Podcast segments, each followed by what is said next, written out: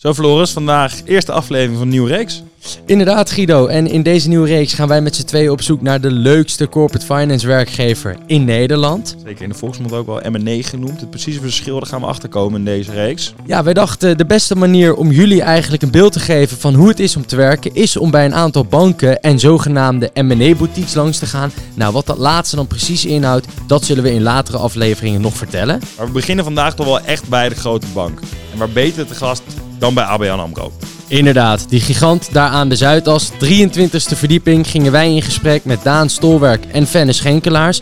Beide trainee, en dan hoor ik je denken trainee, ja, corporate finance trainee. Want bij ABN begin je met een rotatieprogramma wat in totaal drie jaar duurt. Waarbij je eigenlijk de verschillende afdelingen die bij de service M&A horen te zien krijgt. Ja, wat ook nog wel fijn is, is dat Fenne en ons eigenlijk over het hele proces nog even één keer hebben uitgelegd hoe dat nou precies in zijn werking gaat rondom zo'n M&A deal. Hoe ziet het proces eruit van begin tot eind?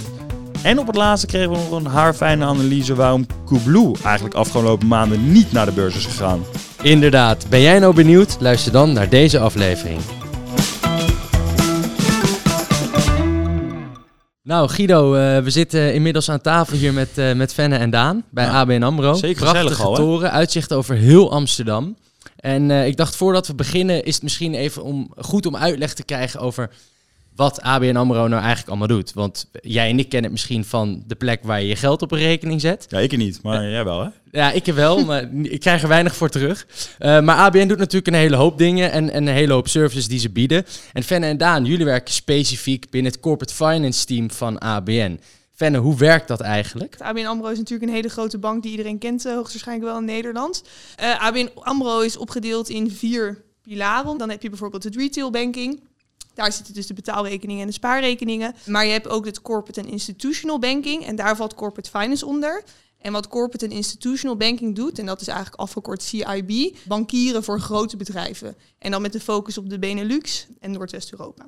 En er komt dan, waarschijnlijk ook een groter stuk advies bij kijken dan de normale winkel of de normale spaarrekening. Kan ik het zo een beetje zeggen? Ja, dus wat corporate finance doet is inderdaad vaak advies geven over fusies en overnames. En over beursgangen, dat noemen wij, noemen wij IPO's. Uh, maar dat doet niet alleen uh, corporate institutional banking. Er valt bijvoorbeeld ook uh, structured finance onder. En dan ben je eigenlijk geen adviesgever, maar dan bied je juist een product aan.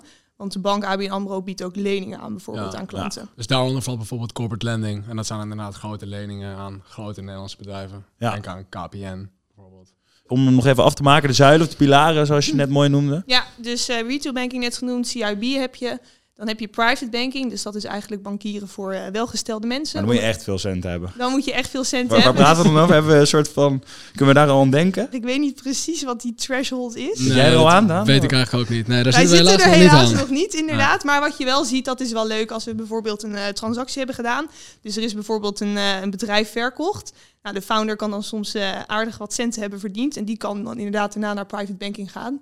Ja. Uh, en dan gaat ABN allemaal advies geven over vermogensbeheer. En als we, het, als we het dan hebben over de, de dienst Corporate Finance of de tak waar jullie dan beide werkzaam in zijn, hoeveel mensen hebben we het dan eigenlijk over die daar werken?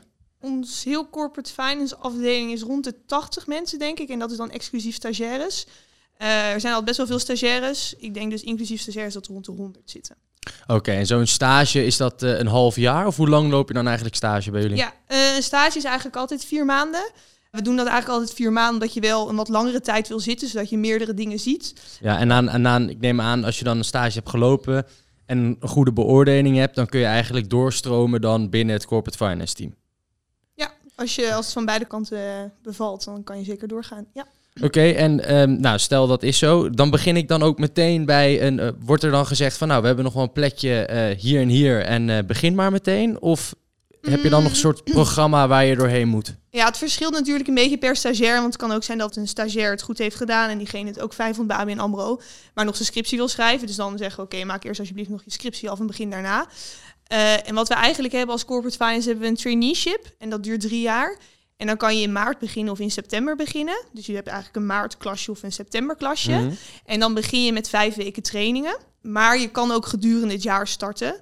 Dus het kan zijn bijvoorbeeld als jij net klaar bent met uh, je scriptie uh, in oktober en je wilt eigenlijk in november al gaan werken, dan is het soms ja, wel jammer als je dan echt een paar maanden moet wachten en niet zoveel kan doen.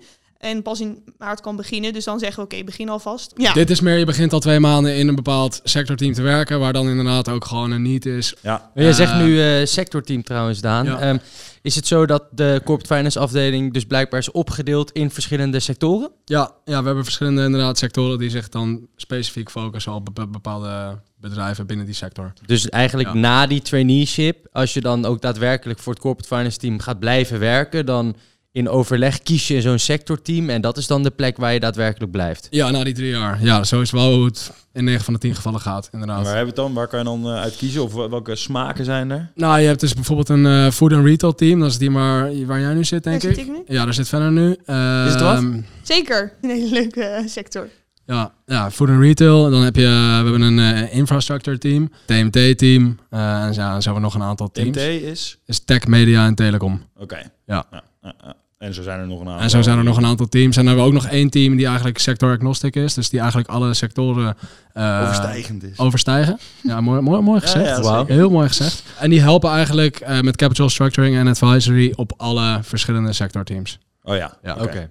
Maar en is dat dan ook misschien een beetje de link naar die andere ehm, diensten van de bank? Ja, Dus, in eh, sommige gevallen wel. In sommige gevallen wel. Ja. ja. En zou je dat eigenlijk ook als een van de krachten misschien van een bank kunnen omschrijven? Een voordeel dat je misschien hebt ten opzichte van een boutique, die alleen dat stukje M&A doen. Dat de bank niet alleen relaties heeft waar misschien deals uit kunnen komen, maar ook nog een, een stukje van de financiering kan leveren. Merken jullie dat? Dat je daarin als bank een, bepaalde positie hebt? Ja, ik denk het zeker wel. Zo, eh, zeker als je ten opzichte van een boutique, M&A bij een boutique of M&A bij een bank is natuurlijk heel anders, omdat inderdaad wij ook de financiering zouden kunnen regelen en bepaalde andere diensten kunnen aanbieden. Plus dat heel veel van die bedrijven al klant zijn bij de bank. Dus we hebben al een relatie met, de, met ze opgebouwd.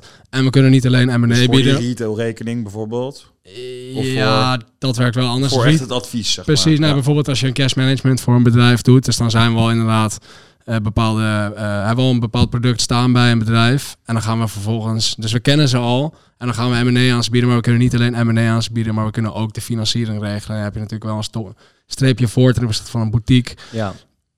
De one-stop shop ben je dan eigenlijk voor Dus ze. eigenlijk bijvoorbeeld, ehm, ik kan me zo voorstellen, je noemt net cash management. Ja, Dat jullie een faciliteit aan een bedrijf geven. Je mag bij ons eh, zoveel miljoen in de rood staan. ja bijvoorbeeld. Ehm, tegen deze en deze voorwaarden. Of eh, andere leningen verstrekken. En op het moment dat een bank of een bedrijf dan bij jullie eigenlijk in huis zit, dan is het logisch dat die voor dit soort diensten ook bij jullie aanklopt. bijvoorbeeld, ja. ja. Ja, ja, Oké, ja, zo werkt het wel. En, nou, en eigenlijk ehm, misschien goed om er nog even op te reflecteren is... ehm, jullie hebben beide ook een, een finance achtergrond. Ehm, is dat ook een van de vereisten...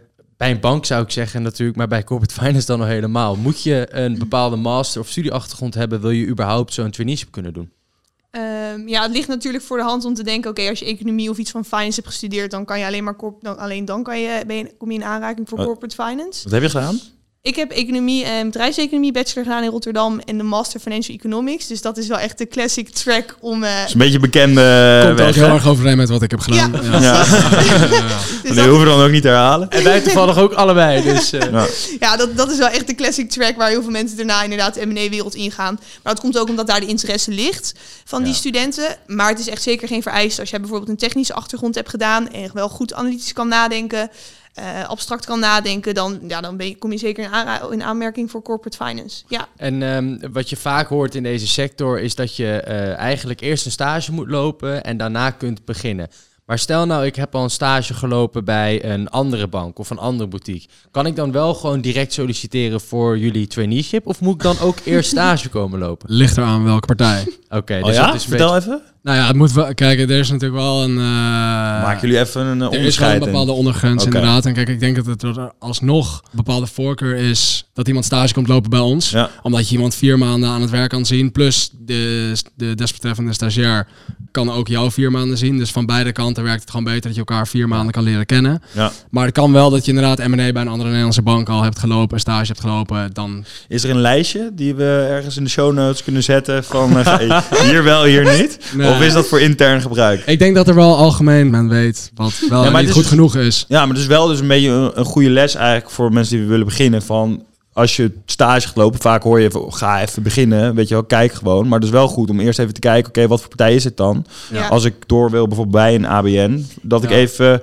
Maar- eh, informatie in ga winnen van, Ja, maar het kan bijvoorbeeld ook heel erg helpen als jij al een M&A-stage hebt gelopen bij een Big Four kantoor. ja, Om dan een eh Big M&A Four hebben we het over de Deloitte, Deloitte, de PwC. KPMG, ja. PwC. Als je daar een M&A-stage hebt gelopen, dan kan het heel erg helpen om eh, een M&A-stage bij ABN ja, want dat is een goede. Want, binnen te koppen. ja, En vanuit die stage bij AB- ABN kan je dan weer in het traineeship rollen. ja. Ja. Ja, ja. Ja, heel veel eh, studenten denken misschien bij een Big Four eigenlijk alleen maar aan accounting in plaats van die M&A services. ja nee, Maar- die hebben inderdaad ook Ja, M&A-teams, ja.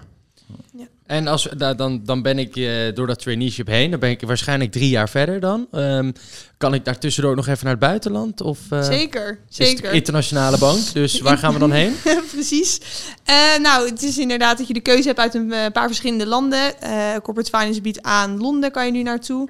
Eh, Parijs, Frankfurt, Brussel. Oh, wel lekker hoor. Zeker Ja, lekker. goed, ja. Dus dat is ook wel een van de van Nog de wat leuke exotischer ook, of niet? natuurlijk.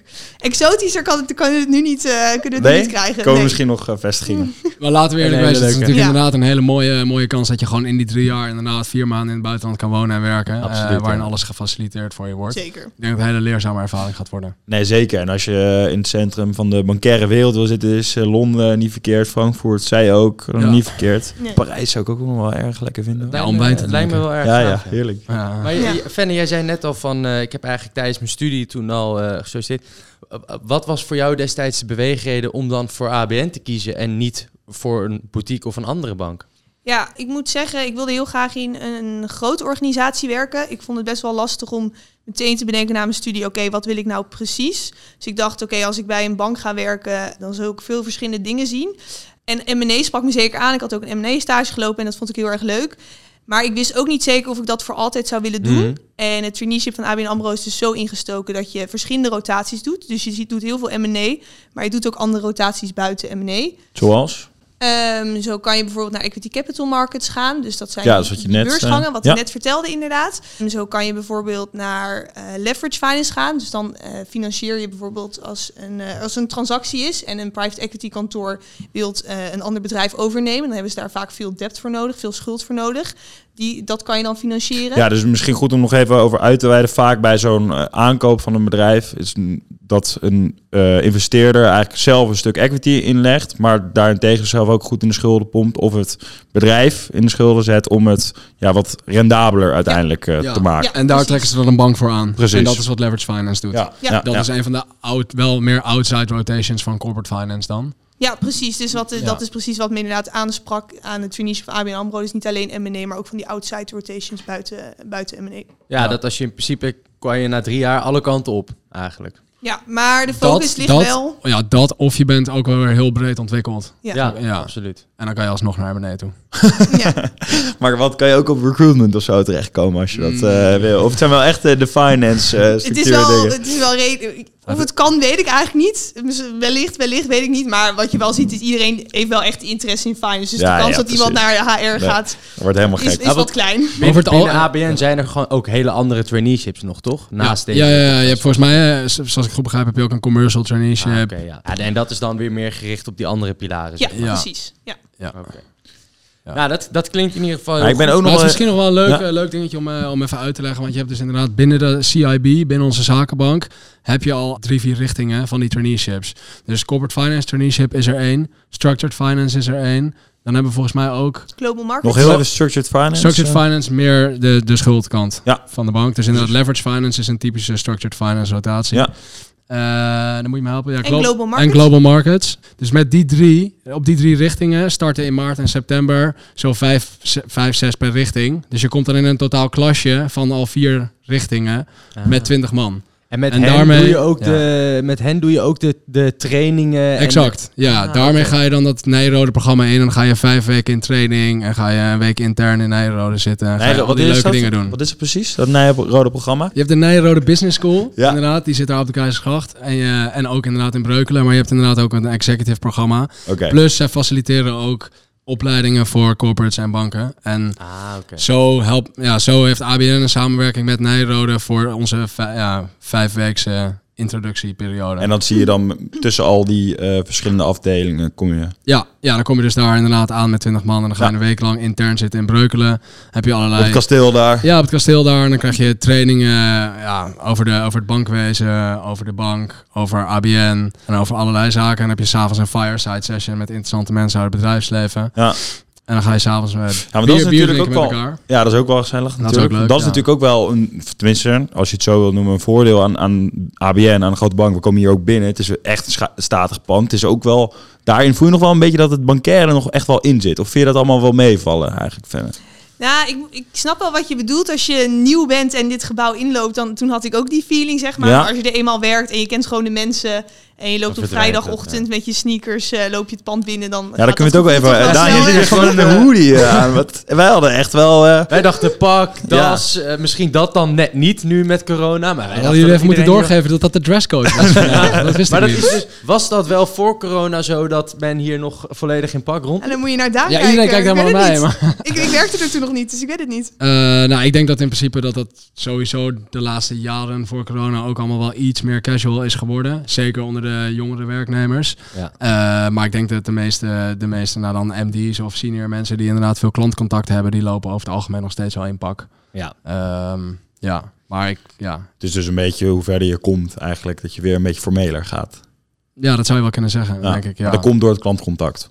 Maar ik denk wel dat inderdaad over het algemeen dat de jongere werknemers binnen de bank allemaal iets meer casual gekleed zijn dan tien jaar geleden. Ja, dus Ja, als, dat eh, wel. Ja. Daan straks eh, MD is, dan loopt iedereen in hoodies.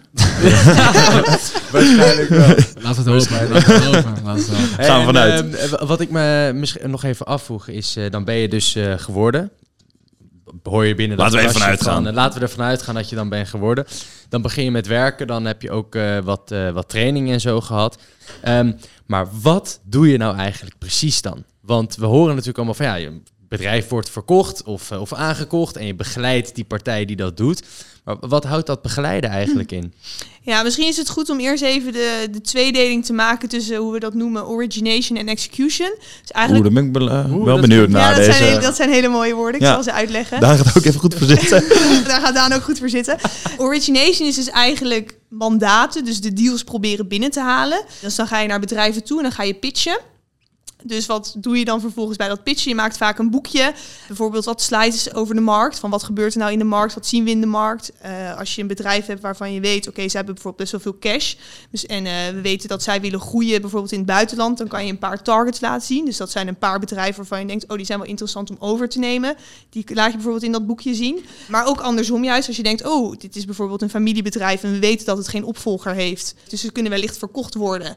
Eh, dan laten we zien van, oké, wat zou het misschien waard kunnen zijn? Wat zijn mogelijk geïnteresseerde kopers? Het kunnen bijvoorbeeld private equity Ja.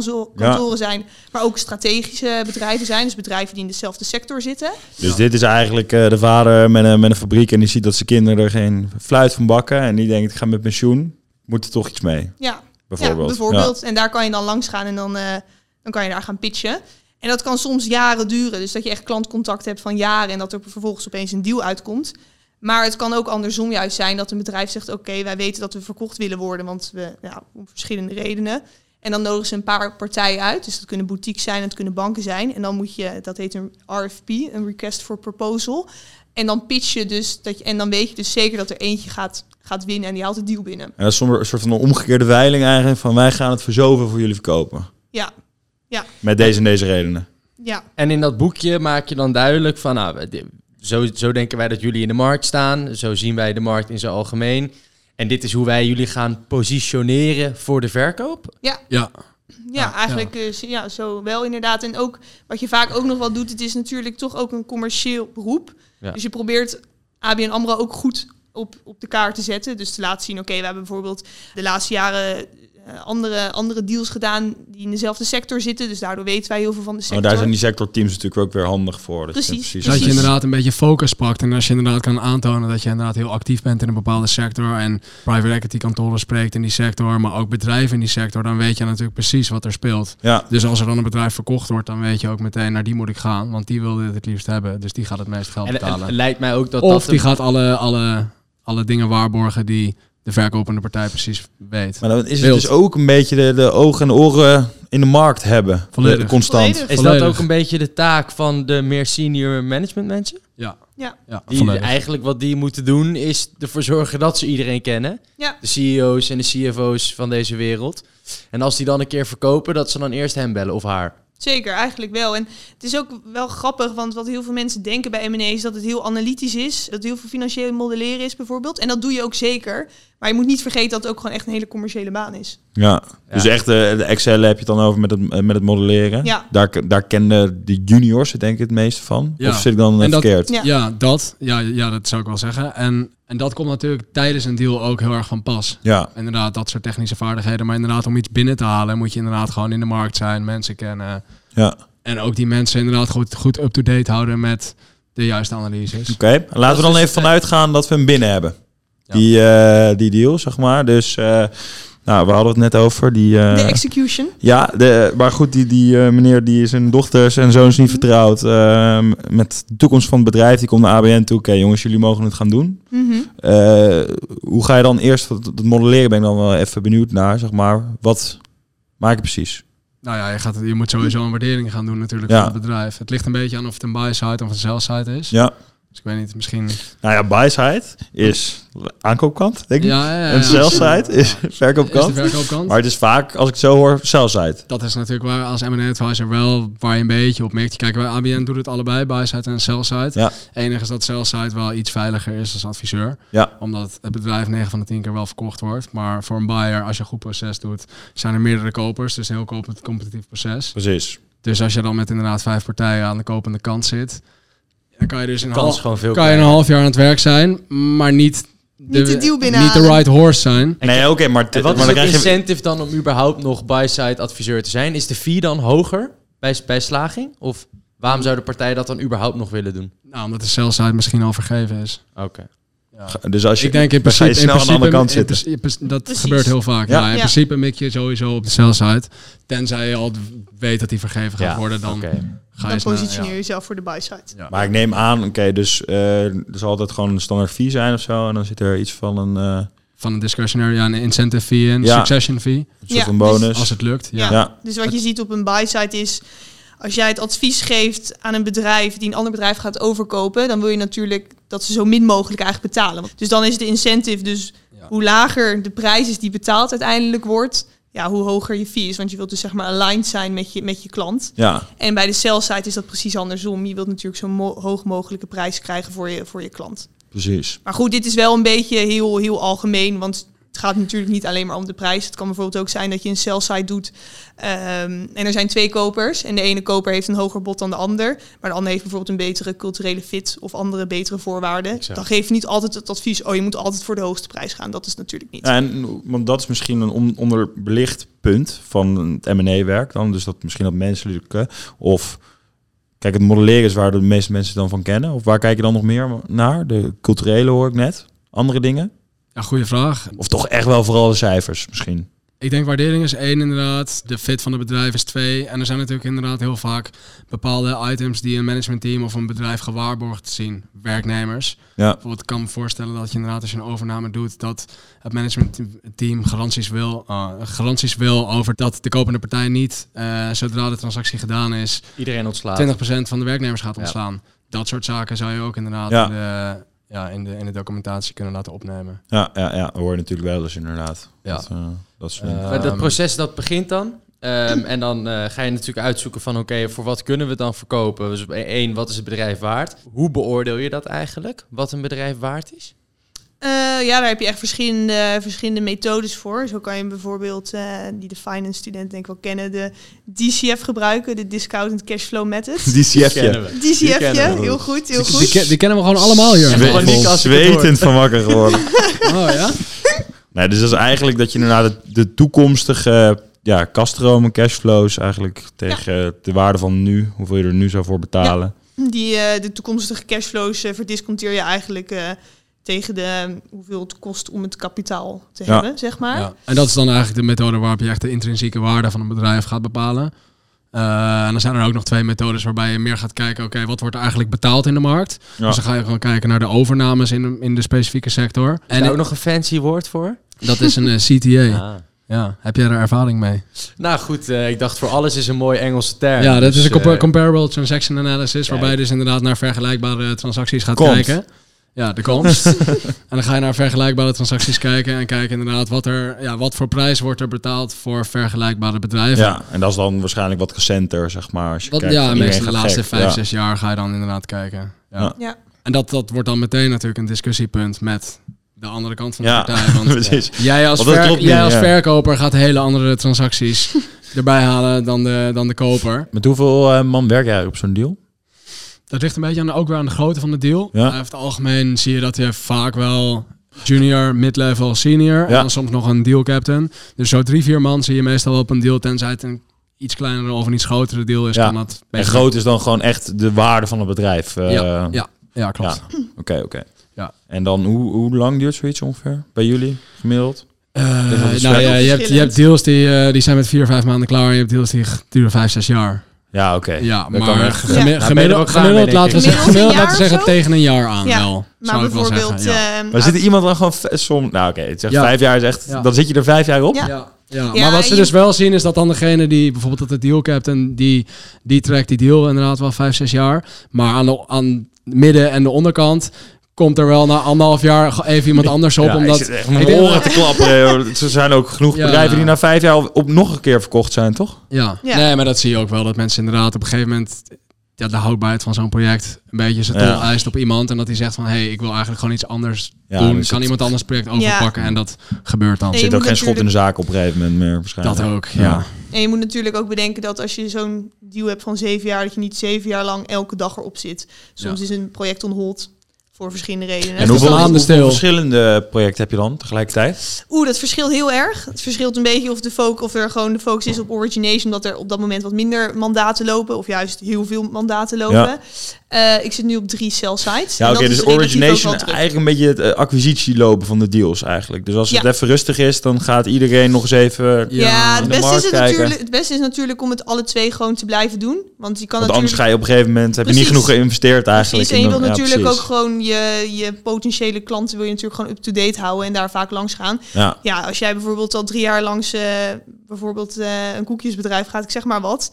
En dan opeens zegt, ook kom een jaar lang niet, want we hebben het heel erg druk. ja. Ja, dat, Ja, dan gaan zij lastig. misschien denken als ze verkocht willen worden, oh, maar we hebben een jaar Ja. niks van ABN AMRO gehoord. Eh, het, zal, het zal wel met ze. Maar Ja, dus- met en drie, ja, eh, drie cell sites doe je nu. Ik ben nu met drie celsites En, bezig. en wie ja. worden er dan nu eh, verkocht? Oeh, ik mag die namen niet, Dat mag niet je niet disclosen. Zo niet dan? Is dat allemaal zo eh, geheim? Ja. Maakt er niet zo uit dat ze verkocht worden? Nou, het, kan, het is natuurlijk als jij ehm, bij een bedrijf werkt en het wordt wellicht verkocht. Nou, dat kan natuurlijk wel voor het enige nodige stress geven. Dat je denkt, oh, misschien wat gebeurt er dan? Krijg je een hele verandering in het bedrijf. Nou, zo. Word ik wellicht ontslagen. En als bijvoorbeeld dan uiteindelijk toch die deal niet doorgaat, dan Ja. is de stress voor niks bijvoorbeeld. Oh ja. Ja, en dat misschien eh, andere bedrijven daar, daar, daar weer wat mee, eh, mee kunnen. Eh, En wat, wat ik me eigenlijk even afvroeg, van, eh, het moet ook wel eens voorkomen dat een bedrijf uiteindelijk niet verkocht wordt. Ja. En, en wat gebeurt er dan? Want dan hebben jullie wel maandenlang daaraan gewerkt. En hoe, hoe wordt zoiets opgelost dan? En is dat dan jullie fout eigenlijk ook? Want jullie hadden het moeten verkopen? Of Daar niet hard genoeg gewerkt. Nou ja, je kan natuurlijk altijd dat de prijs, eh, ja, dat, het, dat vraag en aanbod niet bij elkaar komen of dat het een hele moeilijke markt is. als de eigenaar bijvoorbeeld eh, gewoon een bizar bedrag in zijn hoofd heeft? Dat, ja, oké. eigenlijk in principe probeer je dat al een beetje naar je, beneden te je praten. kijkt In het erbij, je in kijkt erbij alsof het oorzaak nummer één is. Nee, nee, nee, nee, zeker niet. Nee, maar je kan, je kan denk ik soms pech hebben met projecten inderdaad die gewoon moeizaam gaan omdat er ja, geen animo in de markt is of omdat inderdaad de verwachtingen van de prijs te hoog zijn. Ik denk dat daar verschillende op- oplossingen voor zijn. Ja, soms wordt een project een half jaar on hold gezet en dan heeft het bedrijf ook weer net even betere kwartaalcijfers nodig. Of dan moeten ze aan het eind een, een sprint maken en dan is dat net, net, de, net de oorzaak. Ja, waardoor er wel, eh, wel weer inderdaad in de markt vraag naar is en waardoor zo'n project weer eh, nieuw leven wordt ingeblazen. Eh, en dan wordt het een jaar later alsnog verkocht. Ja, en Ja. hoe manage je dan die projecten die zeg maar, langs elkaar, eh, wat als jij er nu drie hebt, Ehm, want het is hard werken, toch? Ik Hier laten we even eerlijk Ik zijn. denk dat dat juist het leuke is, toch? Idealiter heb je denk ik één, twee projecten en dan Ja. pitch je nog een beetje aan de site. Dan heb je een leuke executie, Ja. dan ben je die deals aan het uitvoeren, maar dan ben je ook nog in de markt aan het praten en een beetje Precies. pitchen om nieuwe dingetjes binnen te halen. Maar dan heb je het wel over elke dag tot 11, 12, 1 werken? Ja. Of? Ja, ja. het, zoiets. Het is, het, Ja. is, het is niet een 9, 9 tot, eh, tot 5 baan inderdaad. Maar ik vind het leuk om te doen, dus ja.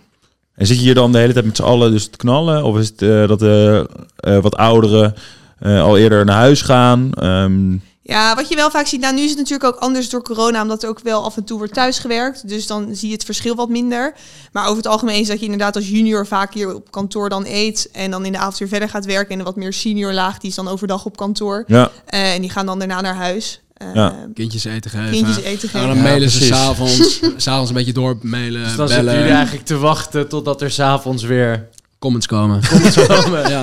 En dan kan je, de bekende, Dat zijn de leuke is dat de dingen van het bekende please fix? Dat ja, is die. dan kan je iets nog beter maken. Ja, Ja, die krijg je vaak. ja zeker.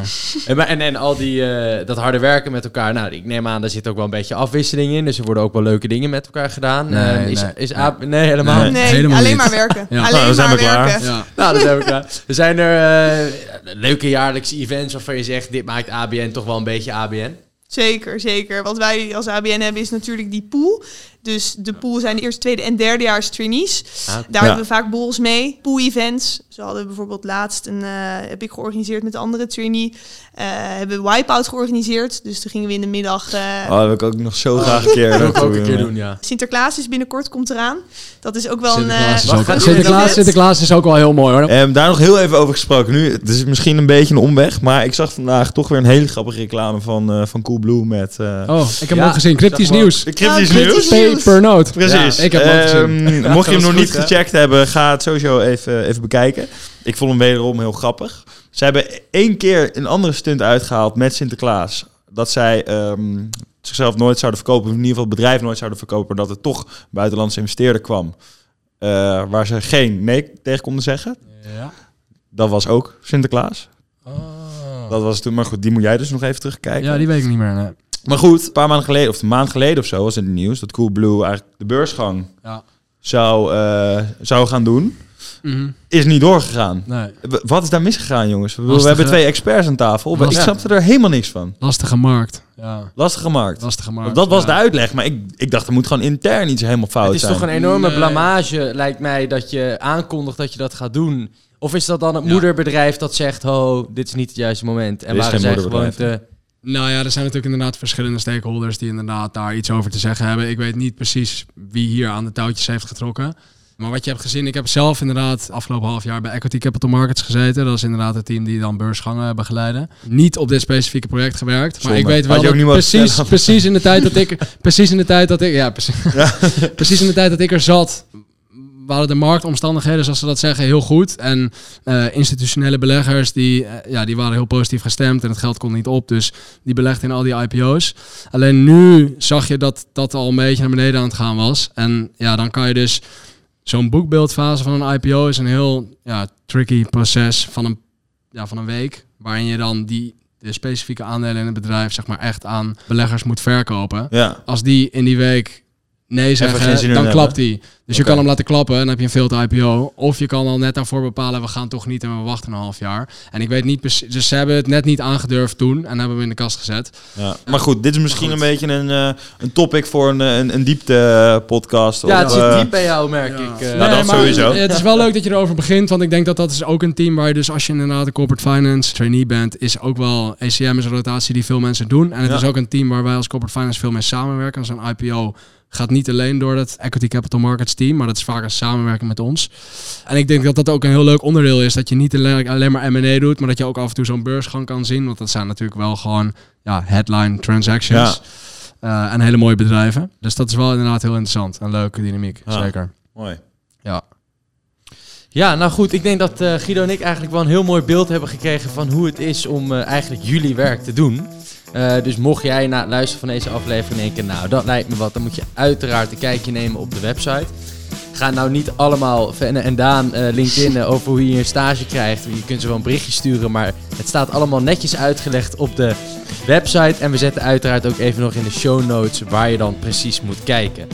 En Daan, dankjewel voor jullie tijd. En ehm, Zeker, wij gaan ons nog even verdiepen in de IPO van eh Coolblue. We gaan even napraten hier, denk ik. Ja, dat lijkt me heel, dat lijkt me heel leuk. Zeker weten. Dank jullie wel, jongens. Jongens, Dank jullie wel. dank jullie wel. super, dankjewel.